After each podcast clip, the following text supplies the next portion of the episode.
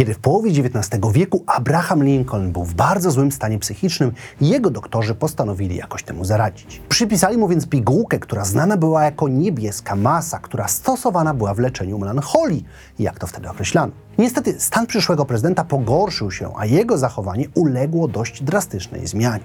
Jeden z lekarzy odnotował nawet zmiany w zachowaniu, pisząc: Lincoln cierpi na gwałtowny gniew, utratę pamięci i drżenie, kolejne objawy zatrucia metalami.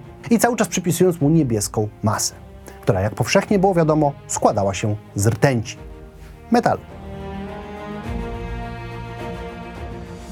Na szczęście ktoś potem dodał 2 do 2 i podczas prezydentury Lincoln nie brał już niebieskiej masy, a jego stan zdrowia cudownie się poprawił. Niestety, tak to już w historii bywa, że nie każda podjęta przez ludzi decyzja może być dobra. Można zryzykować nawet stwierdzenie, że wiele z nich było po prostu głupich i nigdy nie miało szans zadziałać.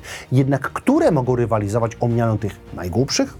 Może to wynalazkom z czasów wojny należy się to miejsce. W 1942 roku Stany Zjednoczone wpadły na pomysł wynalezienia nowego rodzaju broni. Do rekonstrukcji potrzebny był duży metalowy pojemnik, setki niewielkich ładunków zapalających i stado nietoperzy.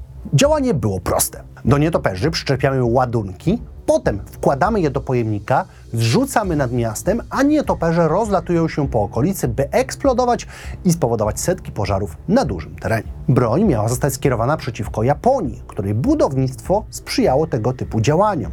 No, w rozumieniu ognia, nie nietoperzy. Projekt został zaakceptowany przez władze, a dokładniej samego prezydenta Roosevelta. Być może było to spowodowane tym, że twórca tejże broni, Lytle Adams, dentysta z Pensylwanii, był znajomym Eleanory Roosevelt, pierwszej damy.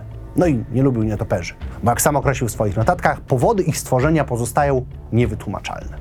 Co jednak ciekawe, bomba ta, mimo że brzmi jak głupi pomysł, została testowana i przynosiła całkiem dobre rezultaty. Gdzie konwencjonalne bomby wywoływały do 400 pożarów, nietoperze bomby wywoływały ich nawet 4000. Jednak przy koszcie 32 milionów dzisiejszych dolarów, a także rozwojowi wolniejszemu niż bomba atomowa, projekt ten został schowany do szuflady. Dość podobnym projektem, aczkolwiek z dużo mniejszymi sukcesami, były też prowadzone przez CIA badania nad narzędziem o kryptonimie akustyczny kotek. Otóż zakładał on, że w rozważnej cenie 20 milionów dolarów, czyli około 200 milionów na dzień dzisiejszy, wyszkolony zostanie kot, który następnie zostanie wyposażony w technologię do podsłuchów. Idea była prosta. Nikt nie zwraca uwagi na bezpańskie koty, więc te mogłyby podkradać się i podsłuchiwać każdego. Więc gdyby wyszkolić się tak, by poruszały się tak, by znajdować się w wymaganych miejscach, wtedy można by posiadać szpiega idealnego. Tyle, że pierwszy kot został rozjechany przez taksówkę, a żaden kolejny nie słuchał się poleceń. Koty były zbyt ciężkie do wytresowania w ten sposób, co w sumie byłby w stanie powiedzieć ktokolwiek, kto kiedykolwiek podjął się tego karkołomnego zadania. Projekt został zamknięty w 1967 roku. Wojna to też problemy logistyczne, które nie zawsze rozwiązuje się z pomocą najbystrzejszych pomysłów. Weźmy na przykład kilka działań związanych z austriacką armią z czasów I wojny światowej. W 1915 roku część armii miała przejść przez Karpaty. Wszystko wydaje się być dość oczywiste. To jedna z dobrze znanych dróg, o istnieniu której wiedziało dużo ludzi wraz z warunkami, które tam panowały. Jednak z jakiegoś powodu wojska nie posiadały zaopatrzenia, wytyczonych tras, które pasowałyby do takich ilości ludzi, ani wyposażenia. Żołnierze szli tam w butach, w których podeszwy zrobione były z kartonu. Nie będzie więc zaskoczeniem, że setki ludzi straciło życie z głodu, zimna, a także kilku odnotowanych ataków wilków, które zakończyły życie rannych. Do tego przemarsz ten wystawiał armię na łatwy cel. Tu jednak mogą rywalizować z innym oddziałem austriackiej armii z I wojny światowej, który miał podczas bitwy o Cer wejść na miejsce treningu serbskiej artylerii. Tu jednak nie ma na to bezpośrednich dowodów i jest to bardziej miejska legenda. Jednak strategiczne decyzje austriackiej armii podczas I wojny światowej nie są określane jako te najsprytniejsze. Ale odejdźmy może od tematów wojennych. Czy słyszeliście kiedyś o projekcie Atlantropa? To na szczęście tylko pomysł, który przypisać możemy Hermanowi Sorgelowi, niemieckiemu architektowi. Jego założenie polegało na tym, by zbudować tamę na ciśnienie gibraltarskiej i spowodować przez to obniżenie się poziomu wód na Morzu Śródziemnym. Powstałe przez to tereny mogłyby być skolonizowane, rozwiązując problemy z miejscem. Projekt miał pewnych zwolenników, jednak większość analiz określała go jako drogi, niepotrzebny i bardziej szkodzący niż pomagający. No bo próba osuszenia Morza Śródziemnego byłaby raczej katastrofą ekologiczną niż pomocą dla ludzi. Pomocą dla ludzi miały też być hipopotamy. Otóż na początku XX wieku amerykański senator Robert Broussard przedstawił propozycję, według której w koszcie 250 tysięcy dolarów amerykańskich na tereny Luizjany, a także innych stanów miałyby zostać sprowadzone hipopotamy. Ich hodowla miała być odpowiedzią na braki w mięsie, a także przy okazji pomóc Luizjanie z problemem inwazyjnych roślin. Koncepcja była sprzedawana jako świetny i tani pomysł dostarczania dużych ilości mięsa, które określone było jako boczek z wodnych krów, a całość miała zająć maksymalnie kilka lat. Nie trzeba chyba tłumaczyć, że pomysł ten był co najmniej odważny, bo hipopotamy nie są zwierzętami, które można tak ohodować. Są niezwykle niebezpieczne i groźne. Do tego wprowadzenie innego gatunku zwierząt, zwłaszcza tak dużego, do ekosystemu to proszenie się o problemy. No i ludzie nie byli szczególnie przekonani do hodowli hipopotamów z jakiegoś powodu. Kontrola zwierząt to dość częsty powód, żeby zrobić coś nie do końca przemyślanego. Sztandarowym złym pomysłem była tu już legendarna wojna emu.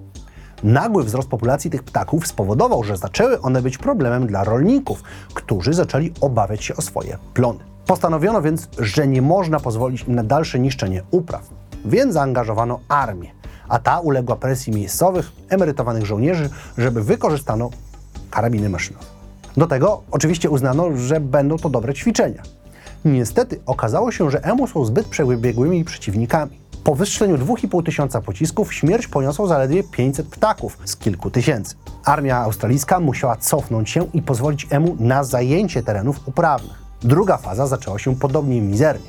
Zabito 40 emu w ciągu jednego dnia, co było absolutnym rekordem. Od listopada do grudnia zabijano 100 ptaków tygodniowo. Dzięki temu, po wystrzeleniu tysięcy pocisków, udało się zakończyć kampanię z 986 zabitymi emu na koncie i to bez strat własnych po stronie Australii.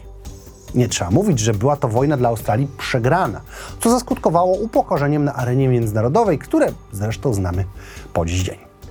Jednak jednym z największych pomysłów, który nigdy nie został przemyślany, była próba odwrócenia biegu rzeki w ZSRR. Gigantyczny projekt, który pochłonął czas, zasoby i ludzi, a który trwał od lat 30. do końcówki lat 80. ubiegłego wieku. Chciano zawrócić bieg jednej z rzek z północy na południe, dostarczając w ten sposób wodę do terenów, które miały z nią problem.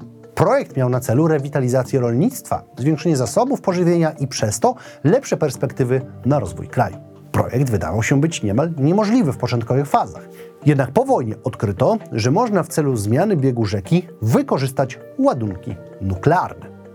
To z kolei nie było aż takie dziwne, ponieważ projekty wykorzystywania kontrolowanych eksplozji atomowych były przeprowadzane w ZSRR chociażby do zamykania złóż gazu czy poszerzaniu już istniejących. Radziecki projekt był więc w fazie zaawansowanego przygotowania. Jednak z upływem czasu jego realizacja oddalała się odkryto, że potrzebne będzie nie kilka, a kilkaset detonacji, a to tworzyło liczne problemy z radioaktywnością, które według wyliczeń były do przyjęcia, jednak nie było to aż tak pewne. Do tego zaczęły pojawiać się liczne obawy dotyczące przyrody, zasolenia wody i klimatu, który jako ludzkość zaczynaliśmy lepiej rozumieć. Projekt miał być wielki, jednak powoli przemawiało za nim tylko przeprowadzenie go ze względu na samą możliwość. Jednak pod koniec lat 80. postanowiono go zawiesić, łamiąc się w końcu pod presją środowiska akademickiego.